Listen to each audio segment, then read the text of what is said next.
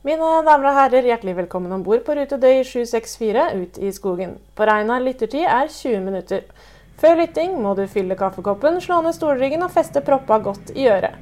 På vegne av kaptein Gotlund og Lyden av skogbruk håper vi du har funnet deg godt rette, og ønsker deg en god tur.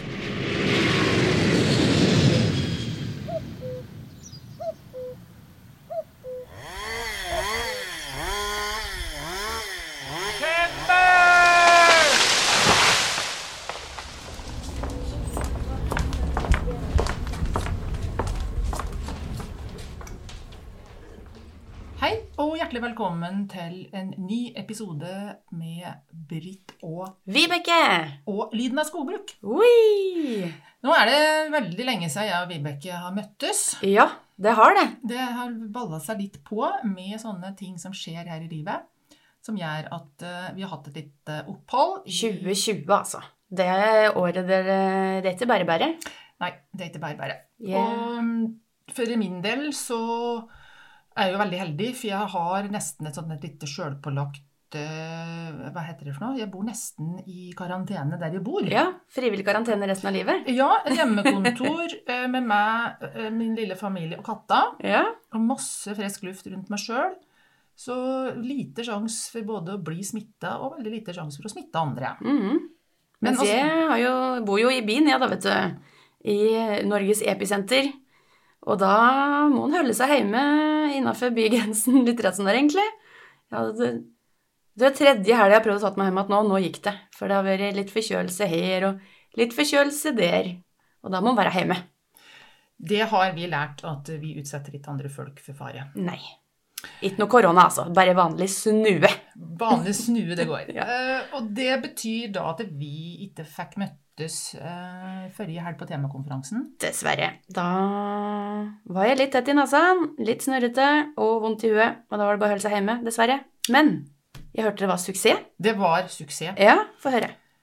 Vi var i Nes, på Rolstad gård i Venstad, Da er vi på eh, Nes på Romerike. Ja, det er mange nes her i landet. Mange nes, så veldig viktig å poengtere da.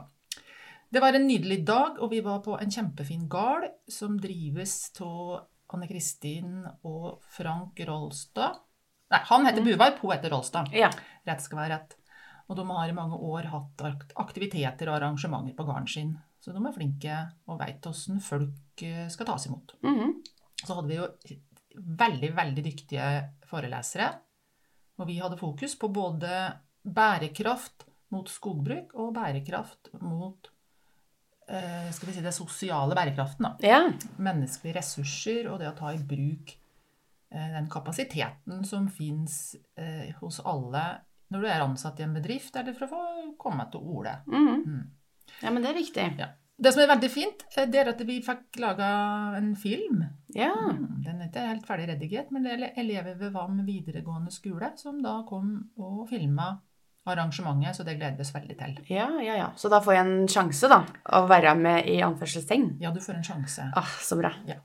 Og, men det vi hadde tenkt, da, Vibeke, det var å lage en podkastepisode Ja, der med småintervjuer med deltakere Mhm. og innledere. Men dessverre. i år blir det ikke alt som vi har planlagt. planlagt. Men du har en annen eh, bra dame klar.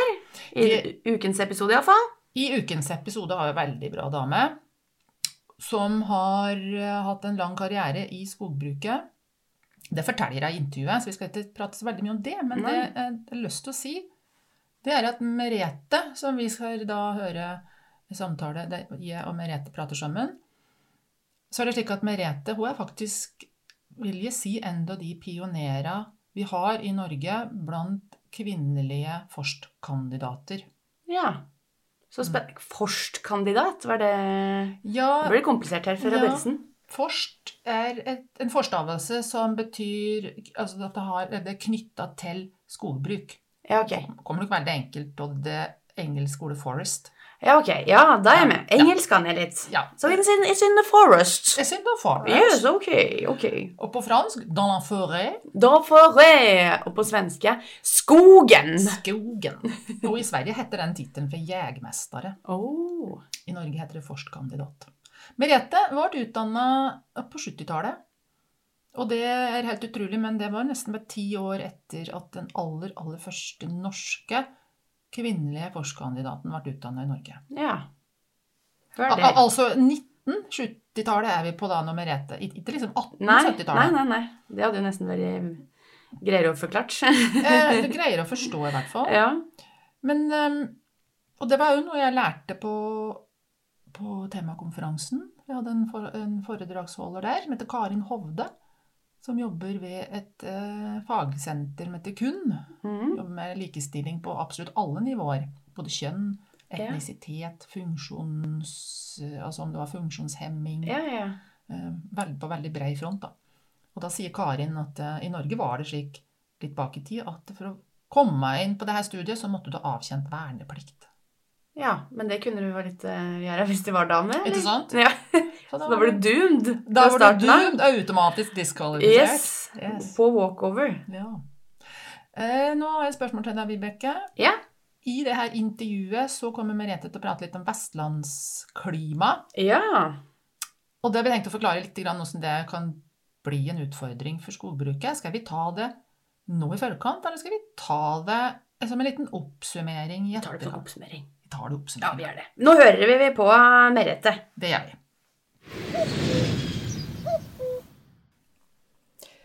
Hei, da er det podkast igjen, og vi har dratt, eh, tatt turen til Østmarka. Til det vi kaller for Studio Sagåsen. Her skal vi prate med ei dame som har eh, hatt langt, eh, en lang yrkeskarriere innom skogbruket. Og som fortsatt har et kjempestort engasjement. Og så nå begynner vi bare rett på. Hvem er du? Hva heter du? Jeg heter Merete Larsmo og kommer fra tjukkeste Finnskogen da, på Østmarka. Men har eh, arbeid med aktiv arbeidstid har jeg hatt på Vestlandet. Mesteparten på Vestlandet. Og hva har du gjort der, da? Der har jeg jobbet bortimot 30 år som eh, fylkesskogmester hos Fylkesmannen i Vestland nå, da. Altså vært skogrådgiver for eh, kommunene, annet. Og driver med forvaltning av skog og tilskudd og skogfond. Eh, Du nevnte fylkesmann. Hva er liksom fylkesmann for noe, Merete? Fylkesmannen er alvorlige greier, men vi er altså regjeringas forlengede arm der ute. Så vi skal gjennomføre det som heter den til enhver tid gjeldende landbrukspolitikk. Så det er eh, vår hovedoppgave å sørge for at vi følger lover og regler og driver bærekraftig skogbruk. Men gir de råd til privatpersoner, eller hvem er det de har Eh, som Vi gir mer enn kompetanse for kommunene. Og jobber gjennom kommunene. Og det er de som forholder seg til skogeiere og skogeierandelslag og slike. Ok, så da har vi satt litt sånn Først har vi regjeringa som bestemmer, og så er det du som jobber hos Fylkesmannen, som er neste ledd, som rådgir ute i kommunene. Og så er det kommunene som kanskje prater med den enkelte skogeier. Ble det nesten riktig? Det stemmer. Nå skal vi prate mer om vestlandsskogbruket. Eh, Og så skal jeg si det at i dag så har jeg fått hjelp til å lage spørsmål til Merete eh, fra Inge Marie Moen Solberg, som bor i Melsomvik, eh, og hennes familie. Og det er eh, helt vanlige turgåere som eh, bruker skogen mye, men som ikke er skogbrukere. Så hei, hei, Inge Marie. Tusen takk for hjelp til spørsmål. Ok, Hva er spesielt med vestlandsskogbruket, Merete? Ja, vi kan ta fram tre ting, da. Det hovedtreslaget der er jo lauvskog og furu. Mens det er eh, litt gran eh, naturlig. Men egentlig ganske lite. Så altså, så her på Østlandet da, så er det mer gran enn lau? Ettersom det er mer spesielt med lau på Vestlandet? Det stemmer. Ja. Fint. Beklager avbrytelsen. Nummer to. Ja, eh, det som eh, særpreger skogen for den skogbruker som kommer på Vestlandet, det er jo eh, skogreisinga. Altså granplantefelta er ganske tydelig i landskapet.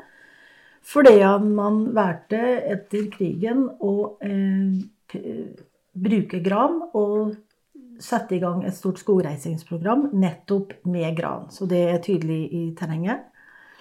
Og det tredje det er jo at det generelt eh, går nedoverbakke eller oppoverbakke. Det er et terreng som gir ekstra utfordringer. Det er bratt. Vi trenger taubane, vi trenger skogsveier osv. Og så kanskje det regner litt mer enn på Østlandet òg? Ja da, det gjør det. Og det gjør det litt vanskelig? Som til sammenligning så er det vel en sånn 700 mm nedbør her på Finnskogen.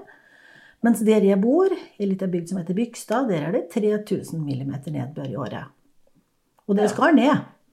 Fire ganger så mye regn altså der Merete bor på Vestlandet, enn der hun er født og oppvokst i på indre Østland, Finnskogen. Ja, eh, for eh, vi- vi som nå da ikke kan så mye skogbruk, så lurer vi på hva er det egentlig som er noe utfordrende med bratt terreng da? Er det ikke liksom bare å skjerpe seg litt? Jo, det kan hende, men det i, du må iallfall komme frem til skogen. Og det betyr at vi må ha eh, gode veier, skogsveier. Og har vi til det, så må vi bruke taubaner i mye større grad. Hva er taubane? Taubane, det, da tar du ned skogen med en vaier eh, fra toppen og ned, og samler den i bøtten eh, langs med lisida. Ok, litt sånn som vi har kanskje sett på de de programmene fra X-Men. X-Man. X-Men, Men der tar du jo tømmer oppover. Ja, du kan ta det oppover, ja. Ja. Selvfølgelig. Hvis du bygger veien på toppen, så kan du ta det oppover. Men hva er mest vanlig på, i Norge da?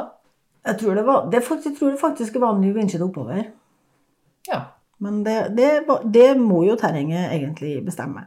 Og i tillegg så etter en uke at du får det ned, så må du ha det ut. For alt det tømmeret som produseres nå, blir ikke brukt lokalt, slik at det går ut eh, videre på tømmerkaier og til industrien andre plasser i landet. Og det går ganske mye på eksport til Tyskland.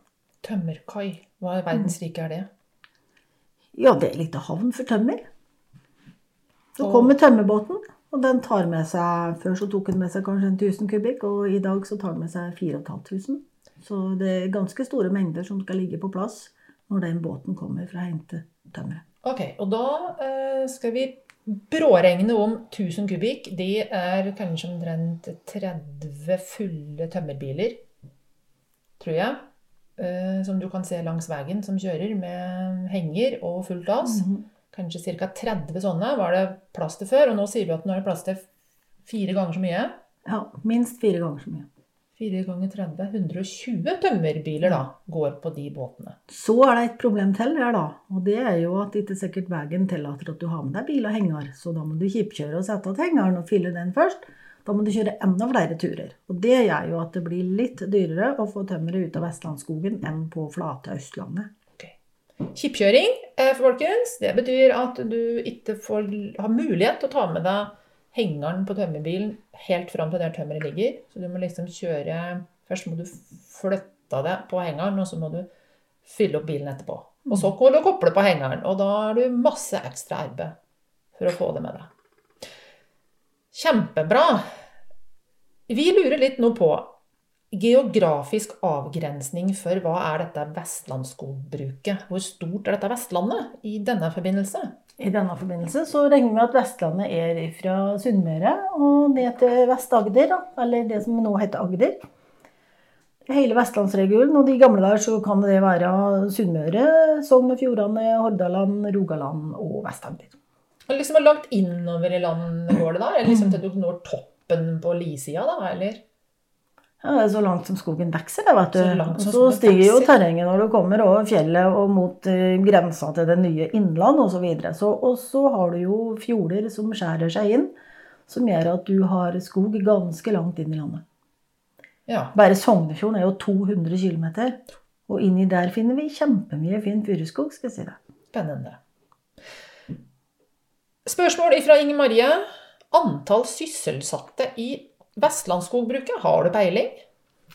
Nei, egentlig ikke, men jeg kan jo prøve meg med et resonnement og si at det iallfall skal være én skogansvarlig i hver eneste kommune. Det er det første. Og så har vi jo entreprenører som jobber på vegne av eh, både skogeierandelslagene i vår region, så heter de AT Skog, og hovedkontoret ligger i Skien.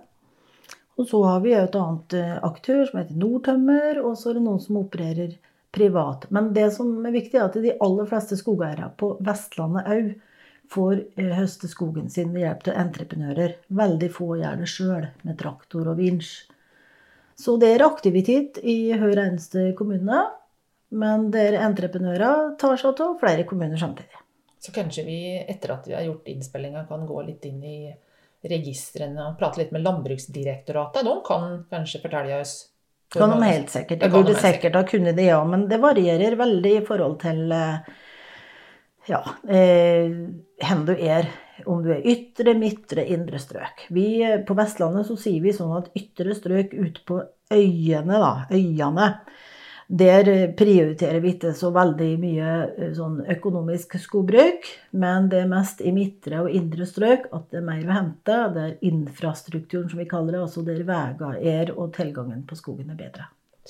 Nå skal vi switche helt over på noe annet. Nei, først skal vi prate litt om et spørsmål her òg. Lønnsomhet i skogbruket på Vestlandet og priser. Og da tenker vi vel priser på Altså verdien på tømmeret. Kan det sammenlignes med resten av Norge? Det kan det, det kan det, absolutt. Spesielt nå når kjøperen vår heter AT Skog og har hovedkontor i Skien, så det, kan vi sammenligne oss med Telemark, Vestfold-området. Men det som gjør at uh, skogeieren ikke sitter igjen med fullt så mye, det er jo nettopp det, det er bratt terreng og lang transport. Men så har vi en annen fordel.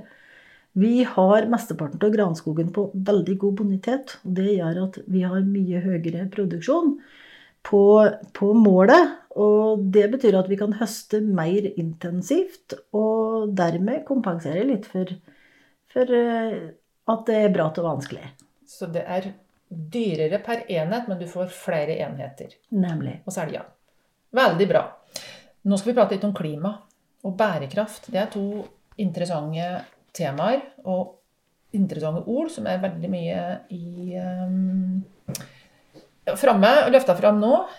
Og så er mitt spørsmål via, fra Inger Marie, da. Er det bra for bærekraft og klima at det drives granproduksjon på Vestlandet? Ja, etter min mening så er det veldig, veldig bra. Det er uant bra, nettopp fordi at det vi kaller arealeffektivt, at det vokser så mye på et lite areal. Så potensialet for å binde karbon i vestlandsskogen det er enormt stort. Men per i dag, hvis du ser deg rundt omkring, så er det liksom 1-2% av det du ser av vegetasjon i terrenget, det er gran. 1-2% husk på det. Men så vokser det da så attpåtil så mye mer på målet. Så for å sammenligne med Østlandet her, så hvis det vokser 40 eh, kubikk på målet på Finnskogen, det, kan, det er veldig bra. Så har jeg vært ute og målt 87 kubikk på målet, ja.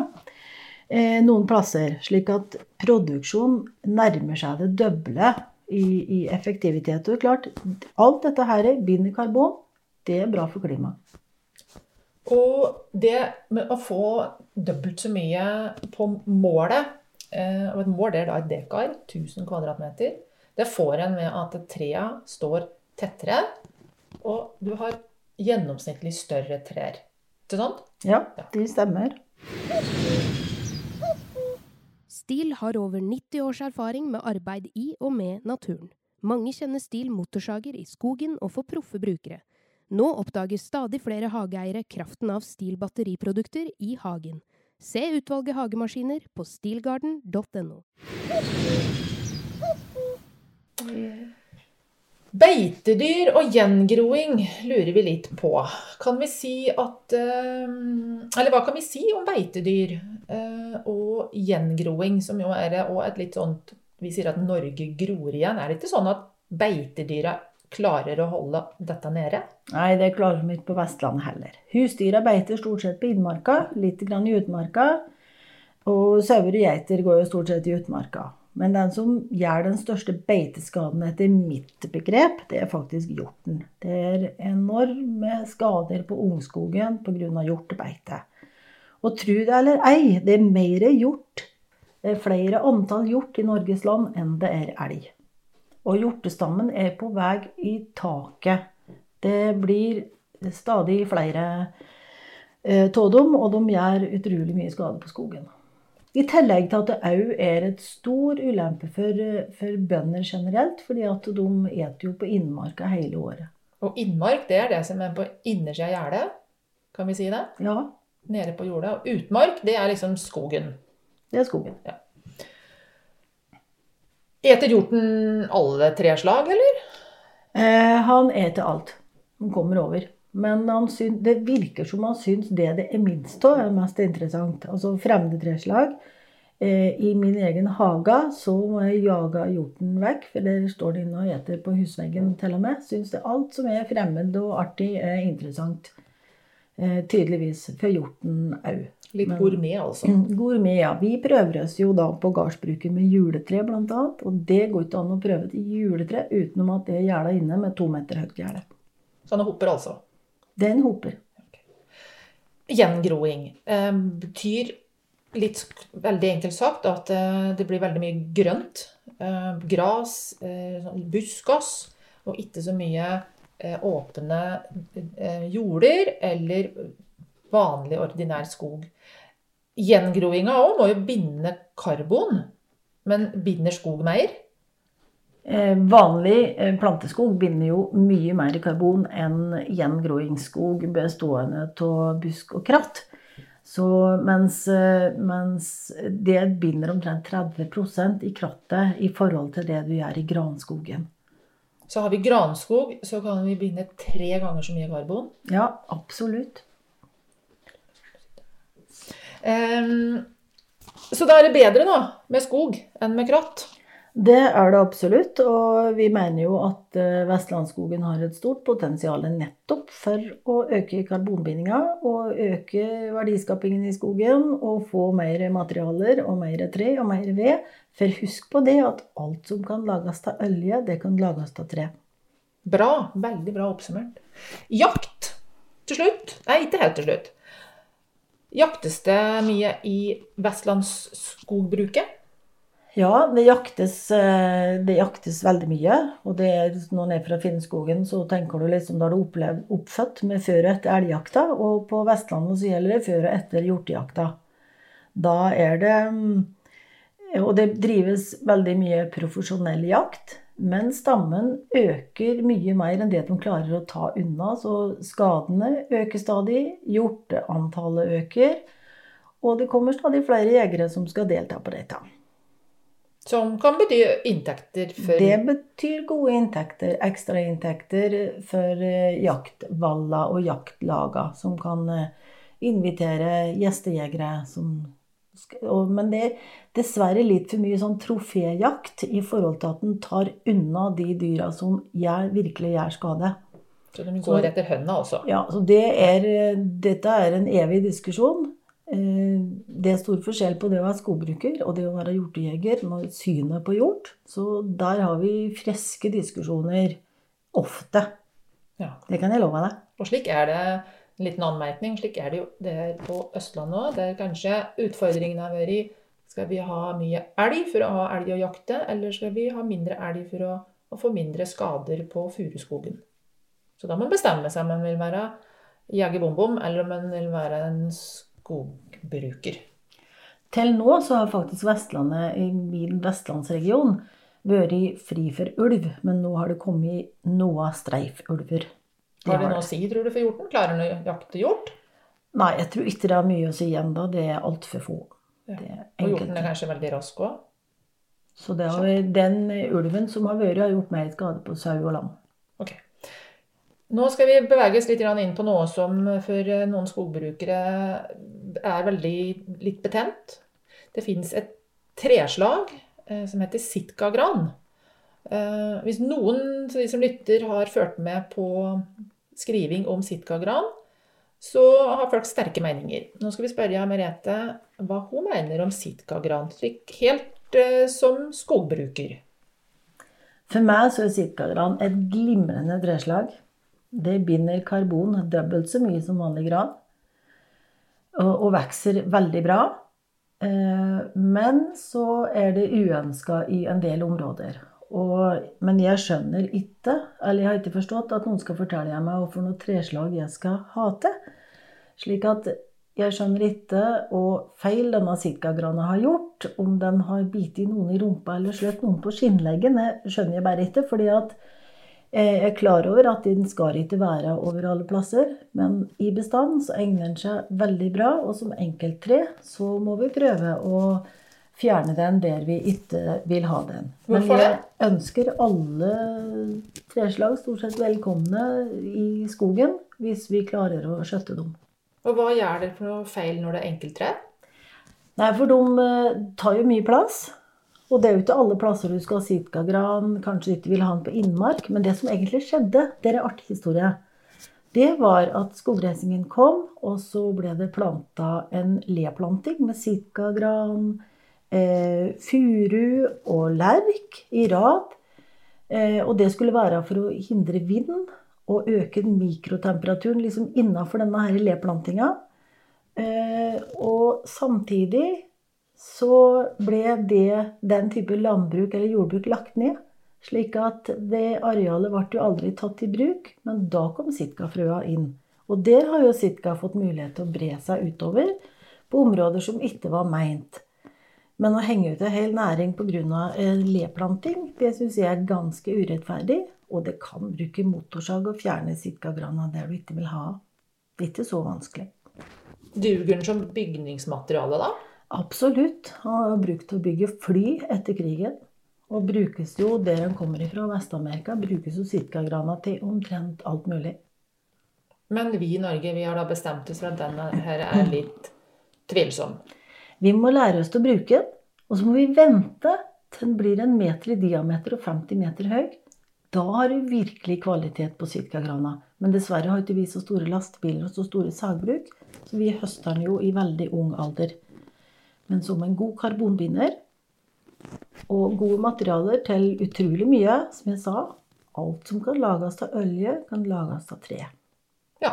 Inkludert sitkagram. Hør der. Dette er jo helt strålende nyheter. Nå skal vi avslutte, og du skal få avslutte med å fortelle lyttere hva du brenner for i ditt fag. I mitt fag så brenner jeg for å bruke den rette eh, herkomsten av granfrø. For vi trenger egentlig ikke på Vestlandet ei gran som har vandra opp forbi Bottenviken og ned gjennom Sverige, og så prøve å ta seg over fjellet. For vi har et annet og mildere klima, som tilhører ei helt annen klimasone på Vestlandet. Og derfor så har vi mye mer å hente ved å gå til Mellom-Europa og hente granfrø der. Foredle på det, så det tilpasser seg vårt klima, slik som en gjør under vanlig skogplanteforedling. Og så bruke det materialet. Og garantert, forskningen viser at det blir så bra kvalitet på slikt materiale at det er det vi må satse på framover. Og jeg har brukt 30 år på livet mitt til å få i gang en frøplantasje og en skogplanteforedling på akkurat det viset der. Og nå er vi snart i mål. Oh, kjempebra! Og nå Yes. skal du snart slutte i jobben din. Men da har du nådd det målet, da. Ja da, jeg har oppnådd det jeg ville i livet mitt ja, når det gjelder faget mitt. Jeg har fått på plass et granfrø som er tilpassa Vestlandet, der den kan vokse i all framtid. Veldig spennende. Tusen hjertelig takk for eh, at du tok deg tid, Merete. Og så eh, gleder vi oss til å høre dette her når du kommer på lufta. Takk. Takk i like måte. Bare trivelig. Merete Larsmo, ja. Det er dame som kan mye. Og veldig, veldig engasjert. Ja, virkelig. Men jeg er jo vokst opp på Østlandet. eh, Og har hørt at sitkagran, det er et allvær, da. Men Merete var jo ganske positiv. Mm. Det er forskjell. Det er forskjell, og jeg tenker at eh, det er så fort gjort å lytte til de som prater høyest og prater tydeligst. Og også hvis, sånn innom skogbruket, da, hvis du kanskje får en sånn fanesak, Ja. tenker jeg, om at du har erfart at et treslag eller en ting er, ikke funker, så er det så lett å tenke at da funker det ikke. ja, det. Jeg er nesten veldig skograsist, jeg. Mm, jo, veldig, veldig Ja. Sitkagrana vil vi ikke ha noe av. Nei, ikke sant? Eh, Men, Men det her er da med at den må dresseres da, på en måte. Ja. ikke få lov å, å vokse som enkelttrær, for det er da han blir veldig dominerende. ja. Breier seg fælt ut, har jeg hørt. Breier seg hvert ut. Ja. Jeg kan heller ikke veldig mye om sitkagran. Jeg kan egentlig ingenting om sitkagran. Og da tenker jeg at da får en jo lytte Ja, til Absolutt. å plukke opp nyttig informasjon fra både de som har gode erfaringer, og kanskje de som har mindre gode erfaringer. Og så finner en noe. imellom, ja. Sannheten ligger der midt imellom. Det er sant. Men jeg har jo faktisk bodd et år på Vestlandet, jeg. Mhm. Eh, og det ble jo prata om eh, vær og klima. Det er jo kjent jeg på kroppen da. Det regner mye. Ja, det vil jeg tro. Jeg er så jeg, jeg, å, Beklager alle lyttere. Jeg er ikke veldig glad i regn, så jeg er så heldig at jeg har verken bodd i Trøndelag eller Ja. i Bergen. Eh, som tørrværsmenneske. Men eh, kanskje du lurer litt, Vibeke, på hvorfor dette regnet er trøbbel for skogbruket? Ja, for her, eh, herover da, på Østlandet, her er det jo ofte sånn Nei, nå trenger vi regn. Nå må vi ha regn så det skal klare seg i skogen. Og mm. ikke minst på tanke på skogbrann og sånn, da. Senest akkurat nå, nå for tida har det vært tørt helt til det regna nå i helga. Vi hadde faktisk skogbrann i forrige uke. Og såpass! Ja, det glemte jeg å si. Makan. Og da er det jo slik at nå er vi jo etter den fristen da det er løv å fyre bål. Mhm. 15. Men da har de også hatt en skogbrann Det blir jo etter 15. september, da. Det var det. Rett etter. Så det tilsier jo at en skal være veldig Bruke huet i tillegg til kalender. Gar det. Det. Absolutt. Det er viktig. Men det var det her med hvorfor i all verden alt dette regnet er til trøbbel, da. Ja. Eh, og det, da er det slik Det er noen faktorer som, som eh, gjør at regn blir en eh, forkludrende faktor i forbindelse med høgging. Ja, for det gjør vel noe med jordsmonnene, kanskje? Ja, eh, Vi kan ta det veldig enkelt. Du nevnte jo dette med rasfare. Ja. Vi pratet litt om det her før vi begynte å spille inn. og det er klart at Når du får veldig vannmetta bakke, så blir jo den litt sånn sjokoladepuddingaktig. Mm. Og når du da har aktivitet eh, i, i området, så kan jo det føre til at du får ras. Mm. Men jeg tror ikke det er den største utfordringen. For Veldig effektiv eh, hogst. eh. ja, I stedet for å kjøre med maskiner og vente på raset, så plukke nederst i fjorden etterpå. ikke sant? Eh, litt spesiell eh, driftsteknikk. Men når jeg var skogbruksleder, så, så hadde vi jo Og jeg har vært her på Østlandet. Og det er jo ikke paddeflatt her heller. Nei. Eh, Det er jo bare at det, og det finnes jo lange lier, og det finnes jo områder som, eh, som blir for blaute. Men det er det med at vann er veldig Det er veldig mye krefter i vann. Så hvis en tenker at når det regner og, og um, det kommer regnskyll, da, særlig, og du har drevet i skogen og fått spor For det er Etter maskin. etter maskin, ja, det er en ganske vanskelig å ikke lage noen spor, da. Mm, I hvert fall på Vestlandet. Ja, eller nå er jeg som sagt ikke gjennom vestlandsskogbruket, men uansett så er det, det er jo veldig tunge maskiner. Mhm. Og da kan vannet følge de spora og ta nye veier. Og liksom flytte bekkeløp. Ja. Og dra med seg gørr og, og dritt ned i, i, i sjøer, ned i tjern. Så dette her med at vannet finner nye veier, det er en stor utfordring. Mm, For du vil ha det der det opprinnelig skal gå. Vi vil at vannet skal følge de bekkeløpa som naturen har laga. Ja. Og så prater jo Merete om at det måtte bygge solide veier. Men da tenker jeg at det, hvis en tenker en, en vei som ligger i ei skråli, da, mm. og det begynner å regne, så vil jo vannet følge dikene, eller Mhm. rennene, så de må være dimensjonert. Store nok Ja. til å ta unna vannet. Og så noen ganger så er det jo slik at du legger sånne rør under veien, da. Mhm. Stikkrenner, som det heter. For Ja. da må du switche vannet fra ene sida på veien til den andre. ja. Og da må de røra være store nok Til å tåle. unna. For du vet, når det er bratt, så samler jo vannet seg, så kommer det fortere Ja. og, og drar med seg eh, grus og jordpartikler. Så at de røra er tjukke nok eh, Tjukke nok Store nok. Ja. Og så, og så må jo selve veien da være bygd solid med stein, fordi at det vasker Vannet vasker jo ut. ikke Ja, sant? det. Ja, tar med seg finpartikler. Mm. Så hvis da den veien den må ha et sånn skikkelig solid grunn, grunnlag, Fundament. fundament. Det som heter eh, bærelag Ja. i en vei. Ja, så da har vi forklart litt grann dette med hva vannet kan skape til utfordringer i forbindelse med drift. Og særlig jo brattere det er, jo større fart for vannet. ja. Og det er ikke sånn om dette blir noe bedre med året med tanke på klimasituasjonen. Det blir mer regn. Blir Og mer regn. mer Eller det blir på en gang.